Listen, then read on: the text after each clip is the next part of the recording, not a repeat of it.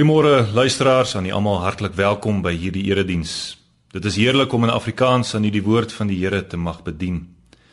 In die seminarie in Kiev waaraan ek verbonde is, die Evangelical Reformed Seminary of Ukraine, is ons die hele tyd besig om of in Russies of in Engels onderrig te gee. Uiteraard staan taal nooit bo die evangelie nie. En daarom doen ons dit met liefde. Maar 'n mens besef net weer opnuut die wonder van die Pinksterfees waar elkeen die boodskap in sy eie taal kon hoor. En hoe beter om tot die harte van mense te spreek as in hulle eie taal. Dit geld vir Oekraïners, maar dit geld ook vir mense vir wie Afrikaans die taal van hulle hart is. En daarom is dit so vreugde om vanmôre in Afrikaans tot u die woord te mag bring. My bede is dat die Here sy woord ryklik sal seën en elkeen van ons daardeur sal opbou. Die teks vir vanoggend se preek is die woord van die Here in Prediker 3, 'n bekende hoofstuk, Prediker 3 En ons let in besonder op die verse 11 en 14. Maar kom ons bely nou eers dat ons hulp in die naam van die Here is deur saam te sing uit Psalm 121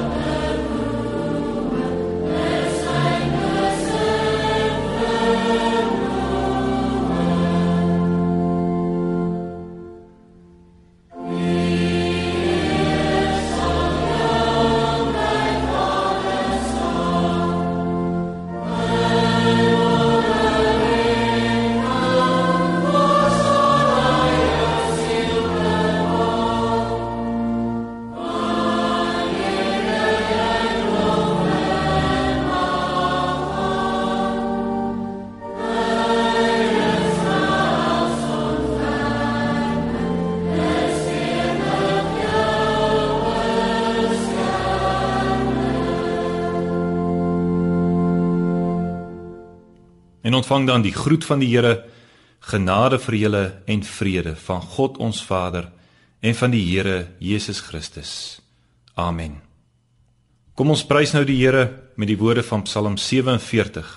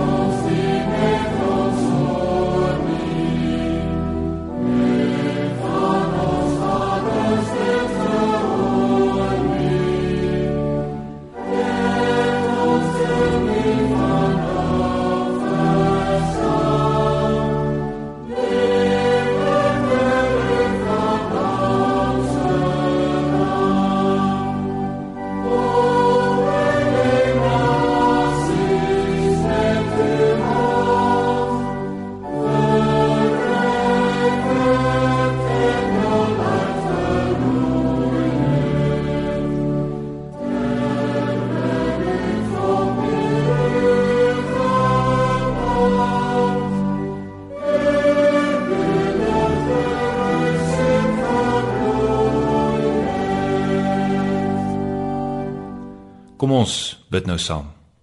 Vader in die hemel, dankie dat U ons nadat U ons verlos het, nadat U ons uitgelei het uit die slawehuis van die sonde, nie aan ons lot oorgelaat het nie. Dankie dat U ons leer hoe om lief te hê. U lief te hê en ons naaste lief te hê. Gee ons die krag van U Gees om dit te doen. Dat ons nie net hoorders van die woord sal wees nie, maar daders en vergewe ons waar ons dit nagelaat het. Vergewe ons waar ons swak ambassadeurs van u liefde was en ander nie u beeld in ons kon raak sien nie. Here werk in ons daaglikse bekering en groei. Dankie vir hierdie Sondag, hierdie rustdag. Gee dat ons dit mag gebruik om u werke te doen. Dankie vir so baie wat op hierdie selfde oomblik saamkom om U te aanbid, nie net in ons land nie, maar oor die hele wêreld. Gee dat die geloof ons mag saambind. Vader, wil U U self in hierdie wêreld openbaar as die koning van alle konings. En gee dat meer en meer mense voor U en voor U wil sal buig. Seën ons nou as ons U woord gaan lees en daarna gaan luister. Openbaar U self aan ons om Christus wil. Amen. Soos ek reeds gesê het, die skriflesing vir die verkondiging van die woord kom uit die boek Prediker, Prediker 3, die eerste 15 verse, maar ons let in besonder op verse 11 en 14. Kom ons lees dit saam. Prediker 3 vanaf vers 1. Alles het sy bepaalde uur en vir elke saak onder die hemel is daar 'n tyd. 'n Tyd om gebore te word en 'n tyd om te sterwe. 'n Tyd om te plant en 'n tyd om uit te roei wat geplant is. 'n Tyd om dood te maak en 'n tyd om gesond te maak. 'n Tyd om af te breek en 'n tyd om op te bou. 'n Tyd om te ween en 'n tyd om te lag. 'n tyd om te weeklaag en 'n tyd om van vreugde rond te spring. 'n tyd om klippe weg te gooi en 'n tyd om klippe bymekaar te maak. 'n tyd om te omhels en 'n tyd om ver te wees van omhelsing. 'n tyd om te soek en 'n tyd om verlore te laat gaan. 'n tyd om te bewaar en 'n tyd om weg te gooi. 'n tyd om te skeur en 'n tyd om aan mekaar te werk. 'n tyd om te swyg en 'n tyd om te spreek. 'n tyd om lief te hê en 'n tyd om te haat, 'n tyd vir oorlog en 'n tyd vir vrede. Watter voordeel het hy wat werk daardeur dat hy hom vermoei? Ek het die taak gesien wat God aan die mensekinders gegee het om hulle daarmee te kwel. Alles het hy mooi gemaak op sy tyd. Ook het hy die eeu in hulle hart gelê sonder dat die mens die werk wat God doen van begin tot eind kan uitvind. So het ek dan ingesien dat daar niks beters onder hulle is nie as om bly te wees en om goed te doen in die lewe. En ook dat elke mens eet en drink en die goeie geniet by al sy moeitevolle arbeid. Dit is 'n gawe van God. Ek het ingesien dat alles wat God doen vir ewig sal bestaan. Daar kan niks bygevoeg en daar kan niks van weggeneem word nie. En God het dit so gemaak dat hulle moet vrees voor sy aangesig. Alles wat is, was al reeds. En wat sal wees, was al reeds. En God soek weer op wat verbygegaan het. Ek lees net weer die verse 11 en 14 waarop ons in besonder wil let. Alles het hy mooi gemaak op sy tyd. Ook het hy die eeu in hulle hart gelê sonder dat die mens die werk wat God doen van begin tot eind kan uitvind. En vers 14 Ek het ingesien dat alles wat God doen vir ewig sal bestaan. Daar kan niks bygevoeg en daar kan niks van weggeneem word nie. En God het dit so gemaak dat hulle moet vrees voor sy aangesig. Geliefde gemeente van ons Here Jesus Christus. Vandag is die eerste Sondag van 'n splinternuwe jaar. 2015 is nog vars in ons geheue. En wat sien jy as jy terugkyk na 2015? Was dit 'n besondere jaar? Het jy gekry waarna jy gesoek het? Is jy dalk trots op wat jy hierdie jaar bereik het? Of was dit dalk 'n jaar van groot hartseer en diep teleurstelling?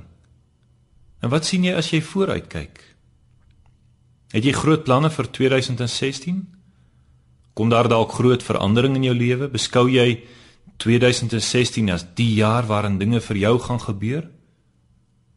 Of sien jy dalk op teen dit wat voorlê? Die onderliggende vraag in al hierdie vrae is: hoe evalueer ons die tyd? die verlede tyd maar ook die tyd van die toekoms. Hoe weeg ons die gebeure van ons lewe? Hoe weeg jy jou eie plekkie in die loop van die geskiedenis?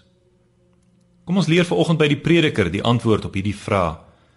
Ook al het die prediker duisende jare gelede gelewe, kan ons nogtans by hom leer want lees maar vers 15 alles wat is was alreeds of meer uitgebrei in die woorde van Prediker 1 vers 9 wat gewees het dit sal daar weer wees en wat gebeur het dit sal weer gebeur en daar is glad niks nuuts onder die son nie Nou ja, as daar dan niks niets onder die son is nie, laat ons dan die wysheid van duisende jare gelede toepas vir vandag. Die tema vir die preek is hoe om aan wisselende tye sin te gee.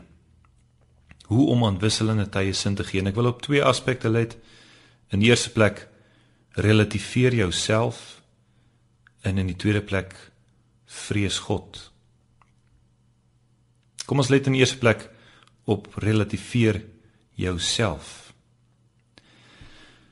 Nou broers en susters, luisteraars, alles in hierdie lewe is tydelik. Alles verander. Elke ding het sy vasgestelde tyd. Daar is 'n begin, maar daar is ook weer 'n einde. In 14 baie konkrete voorbeeldpare waarin goed en kwaad mekaar die hele tyd afwissel, die bekende woorde van verse 2 tot 8, wys die prediker vir ons hoe daar vir elke ding 'n vasgestelde tyd is met die gevolg dat daar ook 'n sekere afwisseling en 'n sekere ritme in die lewe is. En in hierdie ritme van die afwisseling van tye is daar uiteraard iets aantrekliks, want wie sou altyd winter wou hê sonder dat daar ooit 'n somer gekom het? En wie sou altyd lente wou hê, 'n tyd om te plant, maar nooit 'n tyd om te oes nie? Wie sou wou hê dat dit altyd maandag moet bly sonder dat dit ook dinsdag en woensdag en uiteindelik Saterdag en Sondag word. Nee, hierdie hierdie ritme is in sigself nie sleg nie. Ritme met die gepaardgaande afwisseling en herhaling is deel van God se geskape werklikheid. Van die begin af het God Adam geskape in die tyd. En in daardie goeie skepping het God ook ritme en afwisseling ingebou, die afwisseling van dag en nag. Die opeenvolging van die seisoene. Die daaglikse arbeid in die tuin van Eden met die afwisseling van die rus op die sewende dag. Dit is hoe God dit gemaak het elke ding op sy tyd of in die woorde van Prediker 3 vers 1 alles het sy bepaalde uur en vir elke saak onder die hemel is daar 'n tyd en dit geld vir die hele skepping die hele geskape werklikheid is geplaas in die tyd. Die tyd wat tydelik is, die tyd wat voortdurend voortskry. En God het gesien wat hy gemaak het en kyk, ook dit, ook hierdie verandering van die tye en die ritme in die tyd, ook dit was baie goed. Dus die tydelikheid van alle dinge en die feit dat daar vir elke saak onder die hemel 'n tyd is en die feit dat die tye mekaar afwissel, Dit is nie noodwendige gevolg van die sondeval nie, maar dis iets wat God in sy goedheid deel van die oorspronklike skepping gemaak het. Nou weet ons dat ook na die sondeval hierdie tydelikheid, hierdie ritme deel van ons bestaan is. Maar nou is dit natuurlik nie meer net mooi dinge wat afgewissel word met ander mooi dinge nie. Dit is nie meer slegs die dinge van God se goeie skepping wat mekaar afwissel nie. En nou is dit mooi en lelike dinge, goeie en hartseer dinge wat mekaar afwissel. 'n Tyd om gebore te word, maar ook 'n tyd om te sterwe. 'n Tyd om lief te hê, maar ook 'n tyd om te haat. 'n Tyd om te ween, maar ook 'n tyd om te lag. 'n Tyd vir vrede, maar ook 'n tyd vir oorlog. Goed en kwaad wissel mekaar af. En omdat die sondige mens korter lewe, Want onthou waar Adam ongeveer 500 jaar gelewe het en Methuselah amper 1000 jaar gehaal het, lewe ons gemiddeld net 10% daarvan. Daarom volg die dinge mekaar ook nog soveel vinniger op. Die kringloop van afwisseling, die ritme waarin ons vandag lewe, word soveel meer intens. Wat jy vandag klaar maak, kan jy môre maar weer oordoen. Wat vandag skoon is, is môre weer vuil. Vra maar vir ons huisvroue. En die ontwikkelinge van ons tyd maak dit nog soveel vinniger. Want wat van wat vandag nuut is, is binnekort weer verouderd. Die nuutste tegnologie word met groot gejuig vir ons aangebied, maar dit sal nie verlang die nuutste tegnologie bly nie. Dieselfde geld ook vir standpunte wat mense inneem. Wat nou belangrik is en almal se aandag en instemming vra, kan oor 'n paar maande presies andersom verkondig word. Kyk maar net na die politiek in ons land. En wat van jouself? Vandag is jy dalk iemand. Môre beteken jy niks meer nie. Vandag is jy 'n baie bekende persoonlikheid, maar 'n paar maande later is jy deel van die geskiedenis. Vandag het jy 'n belangrike werk, môre miskien nie meer nie. Niks in hierdie wêreld en niks wat ons najag het permanentheid nie. En as 'n mens op hierdie manier vanuit die sondige en gebroke werklikheid na die tyd kyk, dan kan 'n mens baie maklik moedeloos word. Is dit verbasend dat mense 'n houding kry van ag, watter sin het dit alles? Hoekom moet ek myself nog oor al hierdie dinge bekommer? Hoekom moet ek myself nog hiermee moeg maak? Gevolglik begin mense hulle self aan hierdie kringloop van afwisseling en herhaling onttrek, want hulle kan nie die sin daarvan verstaan nie. Wat ons ook al doen, watter vaardighede en inisiatiewe ons ook al aan die dag lê, dit lyk asof dit altyd onderhewig is aan die afwisseling van die tye. Dit lyk asof die kringloop van die tyd ons meester geword het. Niks wat ons doen lyk asof dit vry is van die rel relativiteit van die tyd nie met die gevolg dat die prediker in verse 9 en 10 van hoofstuk 3 moet sê watter voordeel het hy wat werk daardeur dat hy hom vermoei ek het die taak gesien wat God aan die mense kinders gegee het om hulle daarmee te kwel. Die prediker verstaan hierdie reaksie op die afwisselende tye baie goed. Hy het immerself daarmee geworstel. En tog skets die prediker hierdie veranderende tye in vers 11 nie aan ons as iets wat ons moedeloos moet maak nie. Nee, hy skets die veranderende tye eerder as 'n as 'n Godgegewe patroon wat homself ontvou, want alles het hy mooi gemaak op sy tyd, vers 11a. Mooi? Is dood mooi? Is is doodmaak mooi? Is oorlog mooi? Nee, ons kan dalk beter vertaal met gepas. Alles pas presies op die tyd waarvoor God dit beplan het. En sodra elke tyd by tot die totale meesterstuk waarmee die Skepper besig is, elke tyd, elke geleentheid, hoe verganklik ook al, is 'n onderdeel van die groot geheel.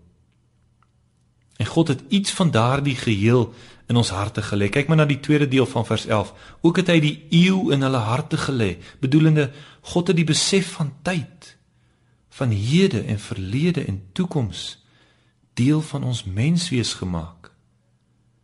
Dit sit in ons om meer te wil weet van die verlede, van die geskiedenis. Dit sit in ons om vandag te wil analiseer en verstaan. Dit sit in ons om die toekoms te wil ken. En tog So sluit vers 11 af, kan ons die werk wat God doen van begin tot eind nie uitvind nie. Ons probleem is dus nie dat die lewe weier om tot stilstand te kom nie. Ons probleem is nie dat daar voortdurende veranderings is nie, maar ons probleem is dat ons slegs 'n fraksie van die totale beeld kan sien. Ons het geen oorsig nie. Ons sien die deeltjies, die afwisselende tye, maar ons sien nie die geheel nie. Daar is dus nie so iets soos 'n gefriesde volmaaktheid nie. Nie daar is 'n dinamiese goddelike beweging met 'n duidelike begin by die skepping en 'n beplande einddoel waarvan God alleen weet, maar en dit is ons probleem. Ons vang net die verskillende momente op. Soms wonderlike, asemrowende tye, vakansietye byvoorbeeld. Soms donker, hartseer tye. Ten spyte van ons kennis van al hierdie afsonderlike momente, al hierdie aparte tye, bly ons onvergenoegd want ons kan die totale betekenis nie gryp nie. Ons is soos 'n soos 'n bysiende persoon wat met sy neus teen 'n massiewe muurskildery of of groot mosaïek staan. Ons sien genoeg om te besef dat ons hier met 'n werk van uitsonderlike kwaliteit te maak het, maar die geheel ontgaan ons. Ons kan nooit ver genoeg terugstaan om daarna te kyk soos wat die Skepper daarna kyk nie, heel en volledig van begin tot eind. Nou sonder om ons moedeloos te wil maak want dit is nie die prediker se doel nie. Is dit tog belangrik dat ons aan die begin van 'n nuwe jaar vir 'n oomblik by hierdie bysientheid van ons stil staan. Dat ons verstaan dat ons met ons neuse teen God se muurskildery staan en die geheel nie kan oorsien nie. Want as jy dit verstaan, dan leer jy iets van jouself ken. Wie is ek werklik? Wat het ek werklik bereik? En so leer die Here jou om jouself en die gebeure in jou lewensgeskiedenis te relativeer. Dit gee vir ons 'n 'n stukkie beskeidenheid wanneer ons besef dat ons die belang van ons lewens, die belang van ons prestasies en van ons opinies en van ons swaar kry, dat ons die belang daarvan in die geheel van God se muurskildery nie ken nie en ook nie kan oorsien nie. Jy kan die geheel nie oorsien nie.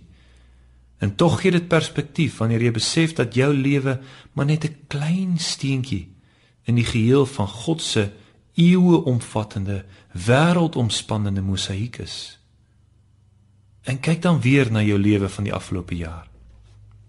Jy dalk in 2015 'n prominente rol in die samelewing gespeel as 'n as 'n besigheidsman of as akademikus of as beleidsmaker. Of jy dalk 'n verandering aan mense se lewens gemaak met jou liefdadigheidswerk of liefdesdiens? Of jy dalk 'n groot prestasie behaal met jou matriekuitslae of die graad wat jy behaal het of daardie sportspan waarvoor jy verkies is? En wat daarvan? Hoe weet jy of jou oomblik wat jy self so belangrik ag in die geheel van God se plan so belangrik is? Dit is maar net 'n tyd As dit nie al verby is nie, gaan dit binnekort wees. Jou oomblik in die kollig is presies dit, 'n vlietende oomblik. Relativeer daarom dit wat jy in die afgelope jaar bereik het. Moenie dat jou steentjie in die mosaïek die hele mosaïek word nie. Dis maar net 'n steentjie. Haal dit uit die geheel van die mosaïek en daardie steentjie verloor sy betekenis. Of jy dalk in die afgelope jaar swaar tye deurgegaan Jy het miskien groot hartseer beleef. Jy was dalk deur 'n dal van doodskaduwee. Ja, in 'n jaar kan kan daar baie in mense se lewens gebeur. Miskien het 'n geliefde gesterf. Jy het dalk 'n liefdesteleurstelling beleef, jy's dalk deur 'n egskeiding. Miskien het jy jou werk verloor. Ook dit is deel van God se groter mosaïek. Onthou, en ek sê dit met groot deernis en versigtigheid, jou hartseer en teleurstellings is 'n deel nie die geheel nie. Jou en my swaar kry is 'n teeltjie in God se massiewe mosaïek. Maar soos daar miljoene ander swaar kry teeltjies in die kerk, in ons land en op soveel ander plekke in die wêreld. Op dieselfde manier moet ons ook ons eie opinies van 2015 kan relativeer. Ons ag ons opinies, ons menings geweldig gewigtig. Ons vat onsself baie ernstig op. Ag, soms is dit goed om maar net 'n noodlaar te sing. Want opinies verander. Mense verander. Iemand kan in die kerk baie sterk voel oor 'n sekere saak, maar die oomblik as dit homself oorkom, dan sing hy 'n ander deentjie. Die praktyk bewys dit oor en oor. Wees maar beskeie oor jou opinies. Moet jou gedagtes nie te veel verabsoluteer nie. Tye verander. Let wel, daarmee sê ek nie dat ons die geloofsinhoud moet relativeer nie. Ek sê nie dat ons die Here se woord moet relativeer nie, maar weet wel dat jou verstaan van God se woord ook maar gebrekkig is. Dalk gee die Here jou oor 'n jaar verdieping van kennis en kan jy jou opinie bystel. Dus die waarheid verander nie. Maar ken wel jou eie beskeie plekkie in die geheel. En so begin ons om onsself, ons eie lewensgeskiedenis, ons eie prestasies, ons eie opinies, selfs ons eie swaar kry te relativeer. Nie onbelangrik te maak nie, maar wel die regte plekkie te gee in die groot geheel. En wanneer dit gebeur, en ons vra vervolgens, maar wat nou? Dan sê die prediker, doen eenvoudig wat goed is, vers 12 en wees bly met die goeie wat God gee. Dit is sy gawe aan jou, vers 13.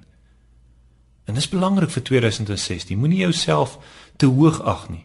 Moenie jou posisie te belangrik ag nie. Moenie dink jy is onmisbaar nie.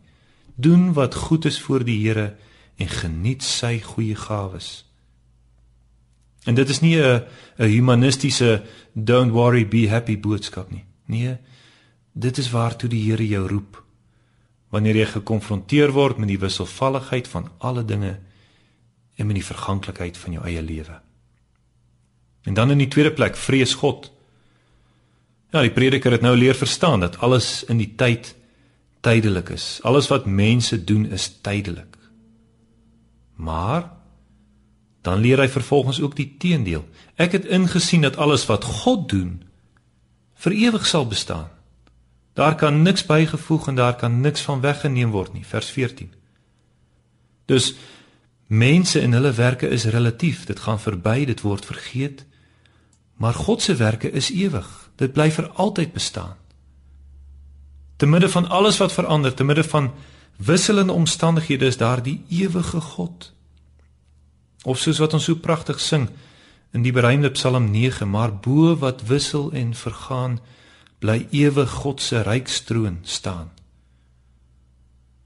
Dis 'n doelbewuste kontras wat die prediker hier vir ons skets. Die tydelikheid van die mens en sy werke teenoor die ewigheid van God en sy werke. En wat is die doel van hierdie kontras?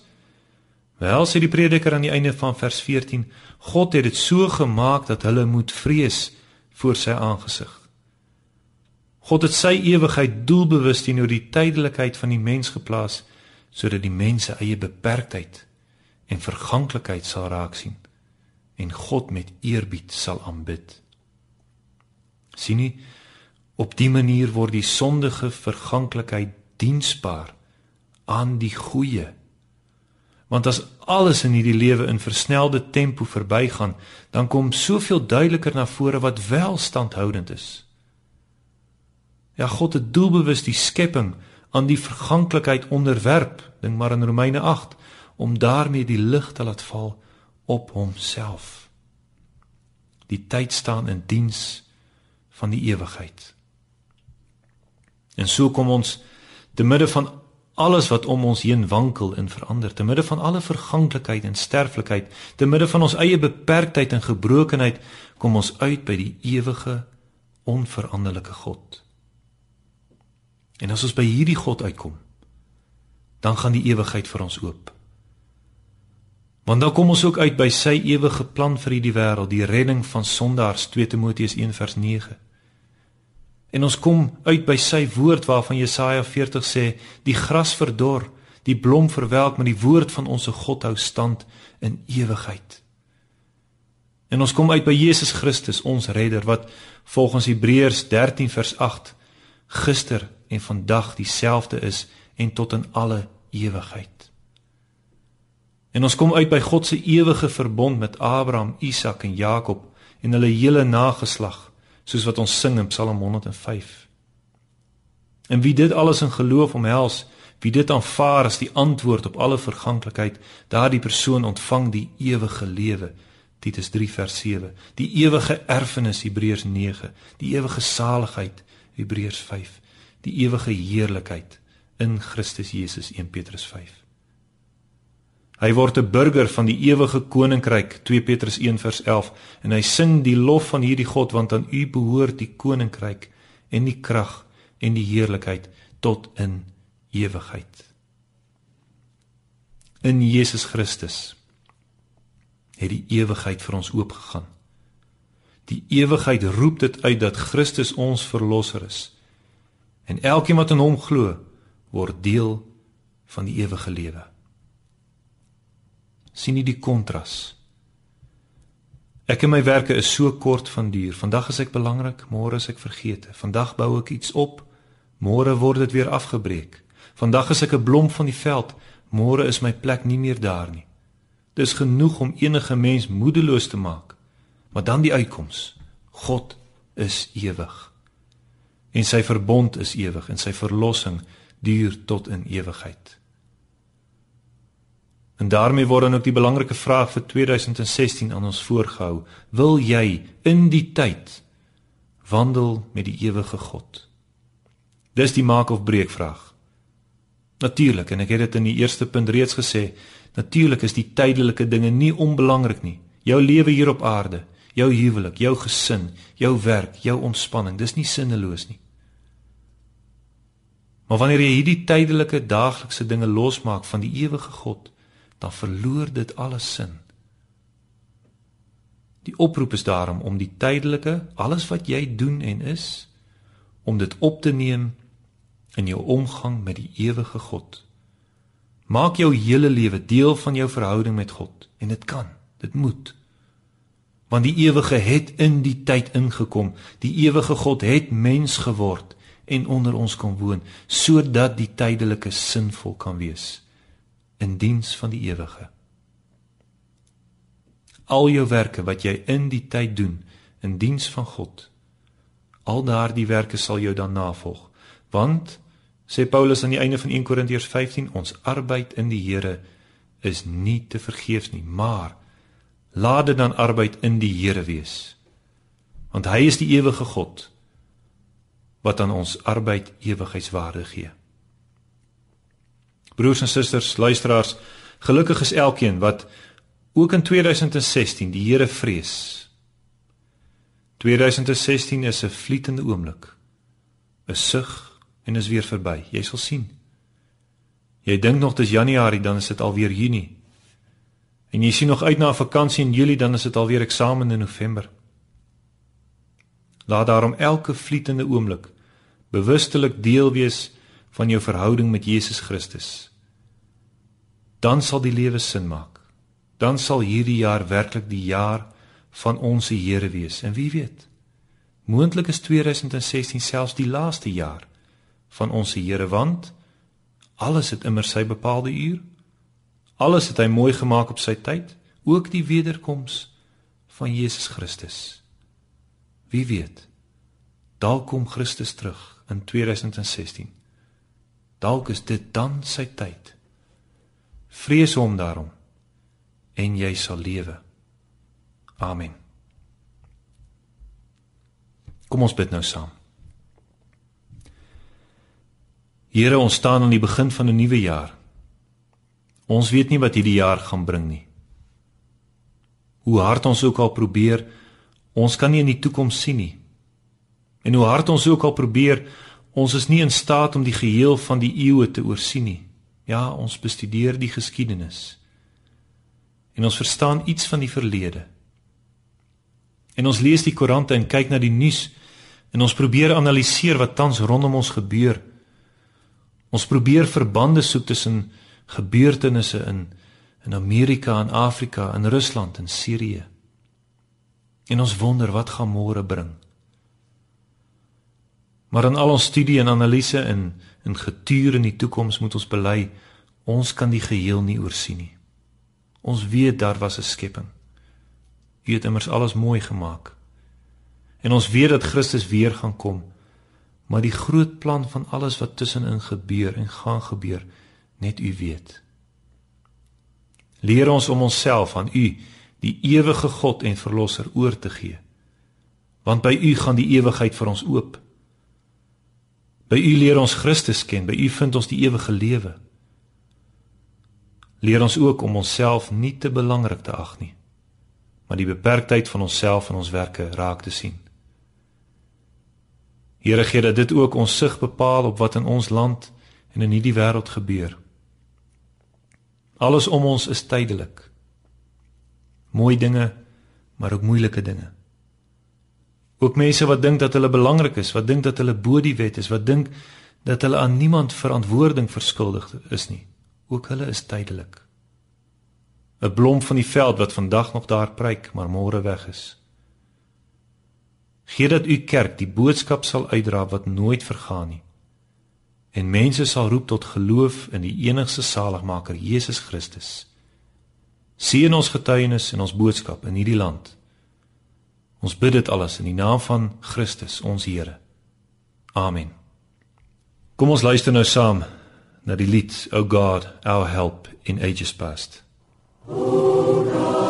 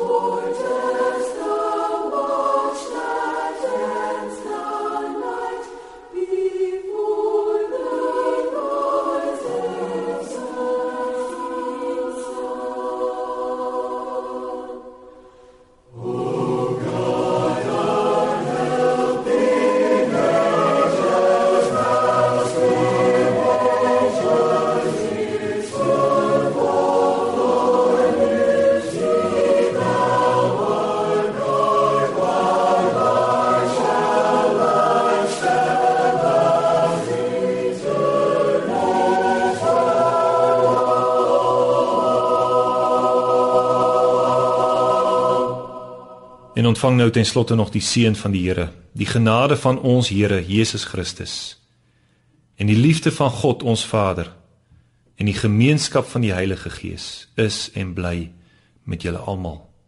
Amen.